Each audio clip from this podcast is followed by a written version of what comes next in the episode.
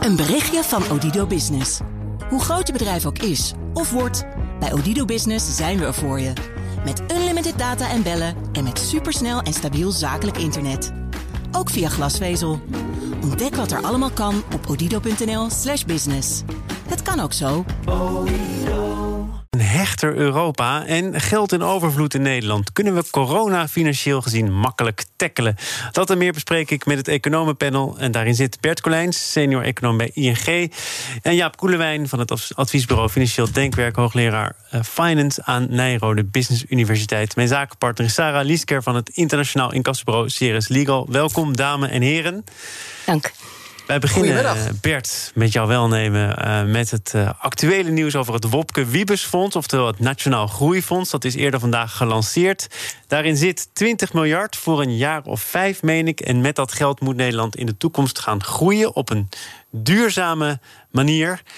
Uh, Bert, wat is jouw eerste reactie? Want we hebben al belangenbehartigers gehoord, we hebben al oppositie gehoord. Nu dan een econoom. Ja, precies. Een econoom, daar heb je er. Um, nou ja, het is natuurlijk in principe uh, is het een fonds waarvan je als econoom zegt, en dat was eigenlijk, het speelt natuurlijk al, al langer van voor de coronacrisis, hebben we het hier al over. Waarvan je zegt van nou, het, het, er zijn een hoop vinkjes uh, van, uh, van issues waar economen gelukkig van worden. Investeringen in het lange termijn groeipotentieel van Nederland. Dat is belangrijk. Um, ook zeker belangrijk, omdat je daarmee ook de problemen die we voor corona hadden, niet uit het oog verliest. Um, het groeipotentieel namelijk in Nederland niet geweldig. Zeker door een uh, verouderende economie. Um, uh, zie je dat men toch uh, begon te stoeien met lagere potentiële groei dan waar we eerder mee te maken hadden. En daarom is zo'n um, zo'n fonds of investeringen om het groeipotentieel op te krikken, die zijn handig, nuttig. Um, en op het moment dat je dan ook nog eens een economische crisis eroverheen krijgt, waardoor je wat verder onder het potentieel komt, dan zeg je ja, dan is dit een, een, een moment om daar eens aan te beginnen. Maar nog voor die crisis leek het ook om een fonds van een andere omvang te gaan. 50 miljard is genoemd, 100 miljard is genoemd. Nu blijft er 20 miljard over in crisistijd. Maakt dat ook het nut of de noodzaak of de omvang van dat fonds, dat is wel degelijk zo, want dat staat al vast, toch wat anders dan voorheen? Nou ja, kijk, het, eh, je zou al snel zeggen van nou, uh, als je als econoom vindt dat het goed is, dan wil je hoe meer, hoe beter. Maar ik denk dat je ook best gelukkig moet zijn met wat je krijgt uiteindelijk. Zeker ook omdat er natuurlijk ook heel veel op korte termijn gericht is nu. Um, en dat hebben we, hè, dus natuurlijk enorm wordt er, wordt er uitgegeven om de coronacrisis tegen te gaan. dat je nu opstart met iets wat ook meer richting lange termijn kijkt, is wat dat betreft is dat, is dat gunstig. En ja, de, altijd een beetje meer is natuurlijk altijd, altijd mooier. Ja. Ik dacht uh, dat jij daar wel in zou vliegen. Nou, ik laat eerst bij een geachte collega even het woord en dan ga ik mijn mening geven.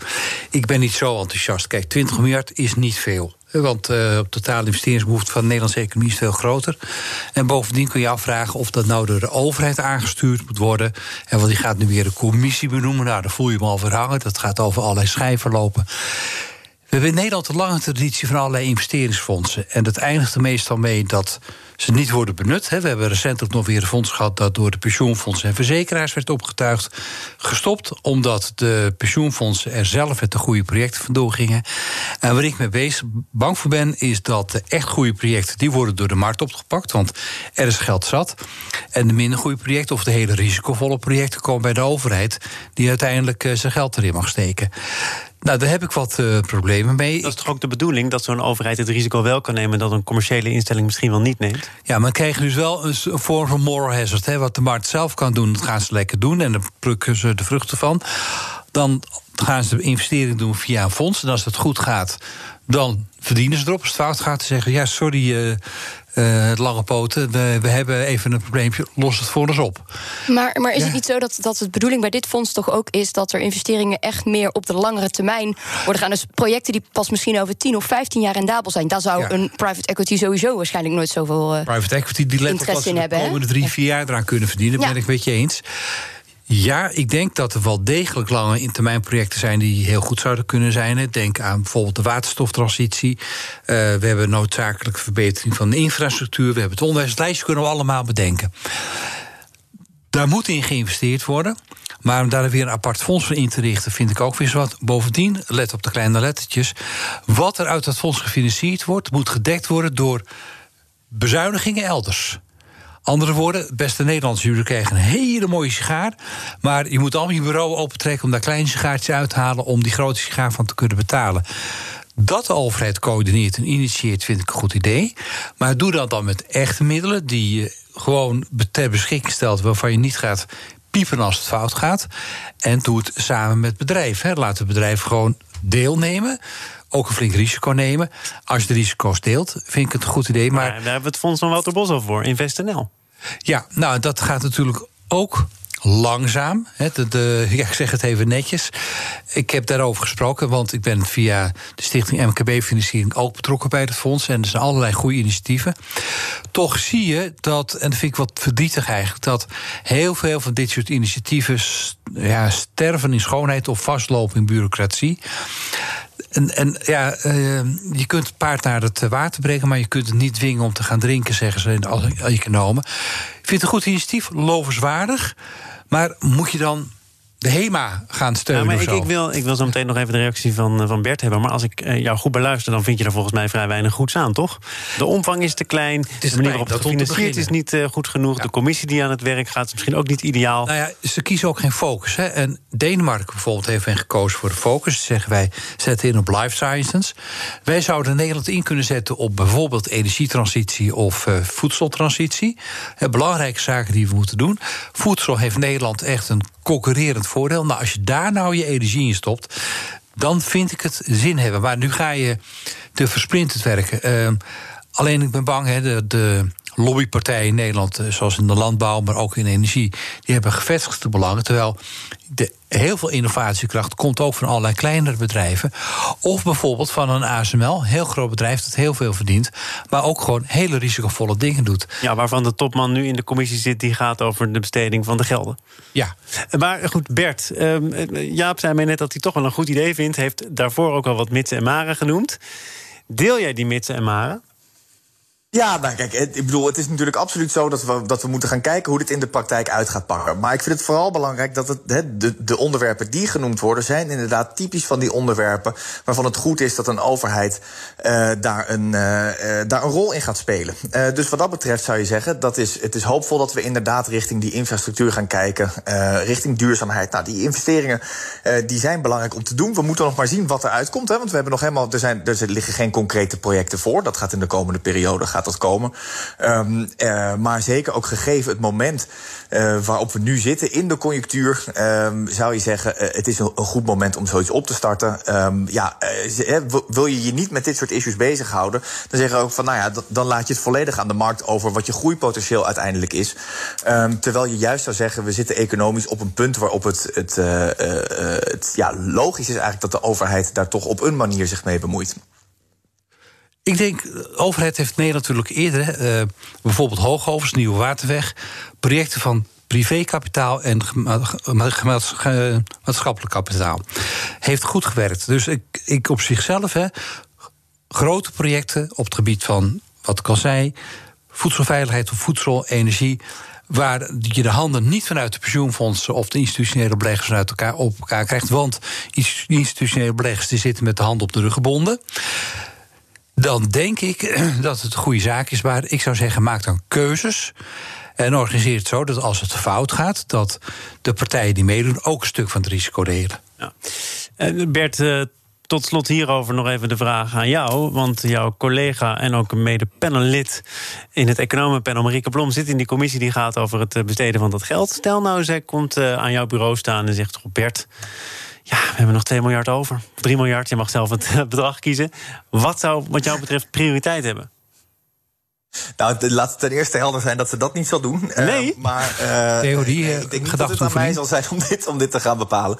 Nee, dat absoluut niet. Um, uh, maar nou, ik, he, de, wat dat betreft denk ik dus dat, dat als je inderdaad kijkt naar de onderwerpen die Jaap ook al noemde, wat het een goed idee zou zijn, dat, daar ben ik het helemaal mee eens. dus onderwerpen die te maken hebben met bijvoorbeeld infrastructuurinvesteringen. Ik denk dat, dat je in die hoek moet zoeken waarvan je zegt van ja, dat, dat zou zeker interessant kunnen zijn dat dat, dat uit zo'n fonds zou komen onderwijs. Zaken doen. Moest toch nog even gezegd worden. Zelfs in de jingle. En uh, degene die verantwoordelijk is voor die prioritering is Jaap Koelewijn van Financieel Denkwerk. Ook en Nijrode. Nee, hoor, de Business Universiteit zeker, wordt genoemd. Bert ja. Klein is uh, senior econoom bij ING. En ik uh, wilde het ook met jullie beiden nog hebben over een studie van ING. Vorige week prominent in het nieuws. Um, waarin ING samen met de top-economen, tien waren het er volgens mij in getal, hebben nagedacht over de schatkist onder andere. De schatkist van de Nederlandse staat... die meer dan voldoende ruimte biedt voor nieuwe steunmaatregelen... tegen de coronacrisis. Een hogere staatsschuld als gevolg van al die steunpakketten. Ja, dat kan eigenlijk best. Dat hoeft niet in een recordtempo te worden afgebouwd. Bert, wat was de reden dat jullie nu met die studie kwamen? Um, nou, we, zitten een beetje in de buurt bij, uh, bij Prinsjesdag. Dan denken we wat vaker over dit soort, uh, over dit soort dingen na. Uh, of ik, in ieder geval mijn, mijn collega's. Ik heb daar zelf niet, niet aan meegewerkt. Um, en ja, natuurlijk zeker omdat het, het, is, het is heel actueel en relevant. Omdat we natuurlijk te, te maken hebben met een, ja, toch een, een flinke investeringsimpuls van de, van de overheid... om de coronacrisis tegen te gaan.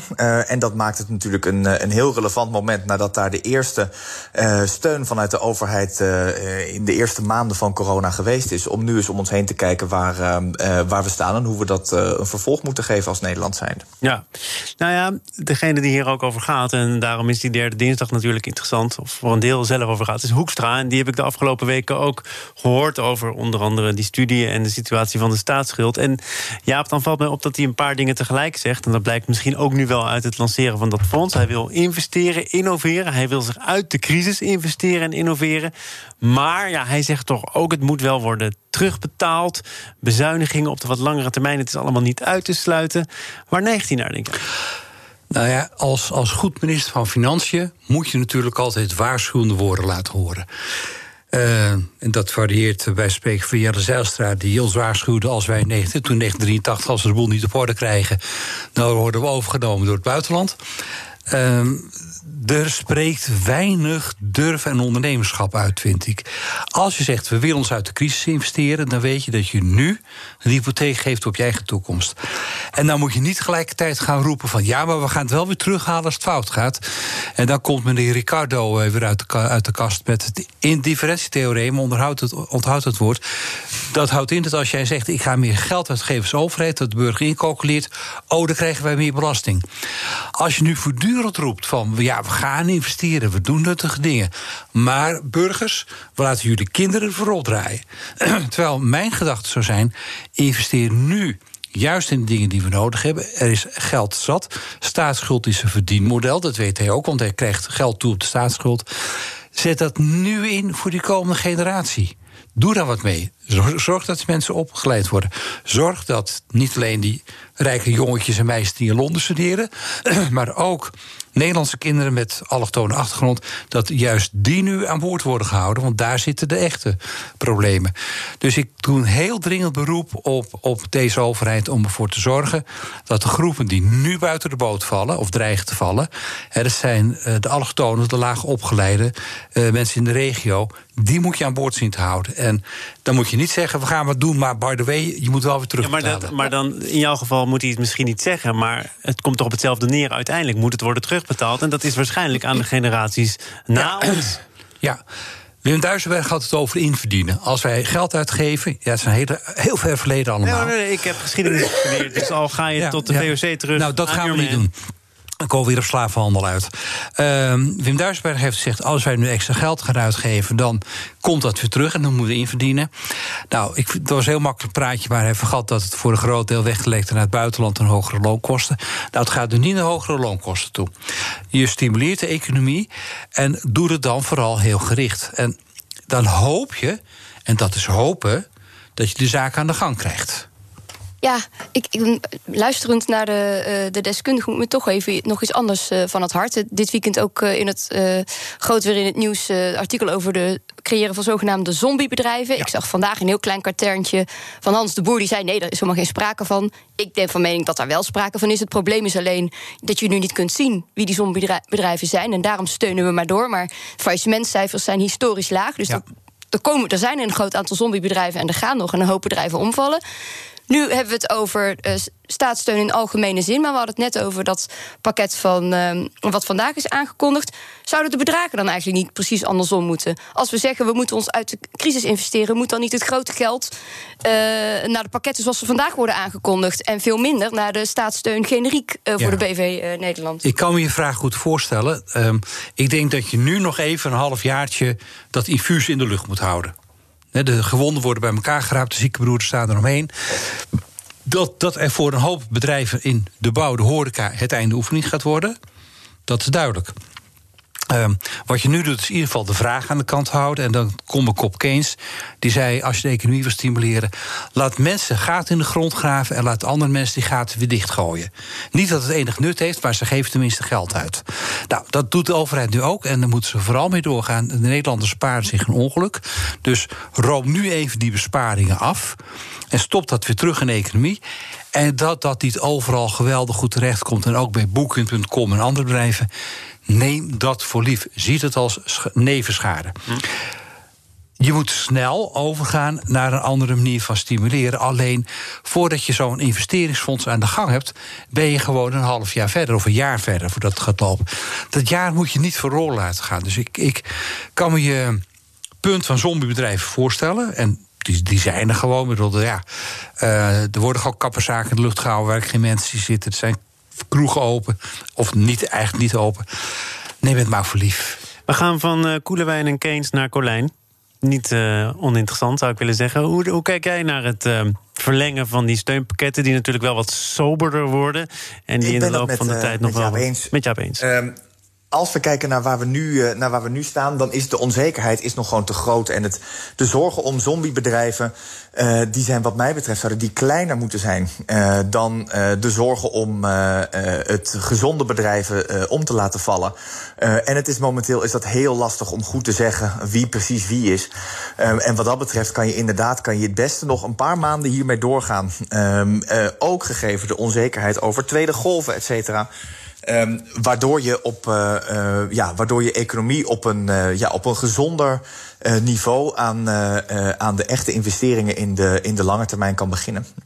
Ik wil met jullie naar andere zorgen, ook geuit door iemand anders, namelijk Klaas Knot. Die gaf de schoollezing vorige week en dat ging over Europa, de toekomst van Europa. En daarin zei hij dat hij de EU wil redden, dat Brussel dwingender moet optreden om Nederland meer uit te laten geven. Een schuldkwijtschelding voor Italië en Griekenland kwam onder andere voorbij. En er moet een permanent herstelfonds voor de zwakke eurolanden komen. Om ook iets te doen aan een ingebakken scheefgroei, zoals hij dat volgens mij zelf uh, uitdrukte. Bert, wat, eh, wat vond je ervan? Het was niet zomaar een lezing op een avond die wel weer voorbij ging. Nee, precies. Nou, maar volgens mij is daar de, de, de schoollezing ook voor, toch? Om een beetje wat, uh, wat over, de, uh, over de, de, de, de huidige stand van zaken heen te kijken. Um, en wat Knot eigenlijk doet, is om uh, te zeggen van... nou ja, hè, we weten allemaal hoe de politieke hazen momenteel lopen... maar hoe zou je nu eigenlijk een goed functionerende monetaire unie... die een, onder een heel stevig, met een heel stevig fundament eronder... hoe zou dat er nu precies uit moeten zien? Um, en dat is inderdaad... Uh, inderdaad zoiets. Hè. En daar zitten inderdaad een paar heilige huisjes in die niet graag benoemd worden. Uh, als we weer bezig zijn met de zoveelste EU-top over, een, over een volgend. Uh, een volgende component aan, uh, aan de monetaire unie. Ja. Uh, maar dit is natuurlijk wel ja, hoe een, een optimale monetaire unie werkt. Um, en dat is, dat is wel eens interessant dat Knot dat zo helder voor het voetlicht brengt. Maar zegt hij eigenlijk niet dat alleen een monetaire unie niet voldoende is? Dat er dus meer moet gebeuren op het gebied van begroting, op het gebied van bevoegdheid in Europa. Dus als je een monetaire unie wil en je zit samen in een munt en die munt die moet sterk zijn, dan moet niet al te veel grote verschillen ontstaan dan red je het niet met een beetje monetair beleid. Eens. Precies, precies. Dat, dat is inderdaad de, de, kern, de kern van zijn verhaal. En hij legt er dan ook heel, heel duidelijk bij uit, inderdaad, wat daar dan, uh, dan verder bij nodig is. En ja, daar zitten een aantal dingen in. Uh, wil je dit optimaal laten functioneren, waar uh, over het algemeen in Nederland met, met opgetrokken wenkbrauwen naar geluisterd wordt? Daar ben ik het volledig mee eens. En punt is natuurlijk, in 1999, toen de girale euro er kwam heb ik met een koffertje door het land gereisd voor de Rabobank... om overal te vertellen hoe geweldig die euro was. Maar er wel bij te vertellen dat dit nog maar het begin was. Want je kunt wel monetair beleid op elkaar afstemmen... maar als je dat voor de rest niet doet, dan wordt het niks. Waar we ons in verslikt hebben, is dat die Zuid-Europese landen, Italië, Spanje, Frankrijk, eigenlijk twintig jaar lang het verrekt hebben om zich echt te reorganiseren. Nou, Frankrijk, of uh, Spanje en Portugal hebben dat gedaan. Ierland ook trouwens. Heel heldhaftig. Maar de Italianen die blijven natuurlijk met de krakende, piepende en ook corrupte economie zitten. Ja, en het is natuurlijk wel heel vervelend dat wij nu voor hun schulden garant moeten gaan staan. Neem niet weg wat Klaas Knot zegt. Wij hebben verdiend aan de Europese Unie. 6000 euro per huishouden. Nou, dat kunnen er een paar duizend meer of minder zijn. Wij verdienen eraan. En we moeten ophouden de Italianen en de Spanjaarden voor te stellen als uh, mensen die de boel komen uitvreten. Nee, wij hebben heel veel naar geëxporteerd, daar goed aan verdiend. Ja, nu blijkt dat dat een probleem wordt. Dan moeten we dat gemeenschappelijk met elkaar nemen, die problemen. Ja. Hij, hij zegt uh, overigens ook dat een andere optie zou kunnen zijn... een soort permanente transfers van noord naar zuid. Um, en, maar, en dan zegt hij dat zou het draagvlak voor de, voor de eurozone en de euro niet uh, ten goede komen. Maar als je het over draagvlak hebt, volgens mij kreeg hij die vraag van de Volkskrant. Is Klaas Knot dan de afgelopen jaren wel zo enthousiast geweest over Europa en een en een wat strenger Europa en een wat meer samenwerkend ja, Europa. Natuurlijk, de Nederlandse bank heeft altijd getamboreerd op uh, handhaven van de regels. Hè. En Gerrit Salm voorop natuurlijk uh, destijds. Um, en dat deed ook Jan Kees de Jager mee. Maar daar redden we niet mee met die boodschap. Dan verliezen wij uit het oog dat de Europese Unie voor ons een heel belangrijk verdienmodel is. Dan moeten we accepteren en we moeten dus ook de ultieme consequentie accepteren. Of je doet het helemaal, of je stopt ermee. En dat zou voor Nederland buitengewoon onhandig zijn. Want dan betalen de Italianen de schuld echt niet terug. De koers van de gulden Revisited, die vliegt omhoog ten opzichte van de andere Europese landen. Dat gaat ons heel erg pijn doen. En daarover worden een hoop complottheorieën eh, verspreid. Van ah, je wisselt gewoon weer eurobiljetjes om de guldensbiljetjes. Nou, ik heb er thuis nog uh, vijf, vijf liggen en zo. Maar jij zit niet doen.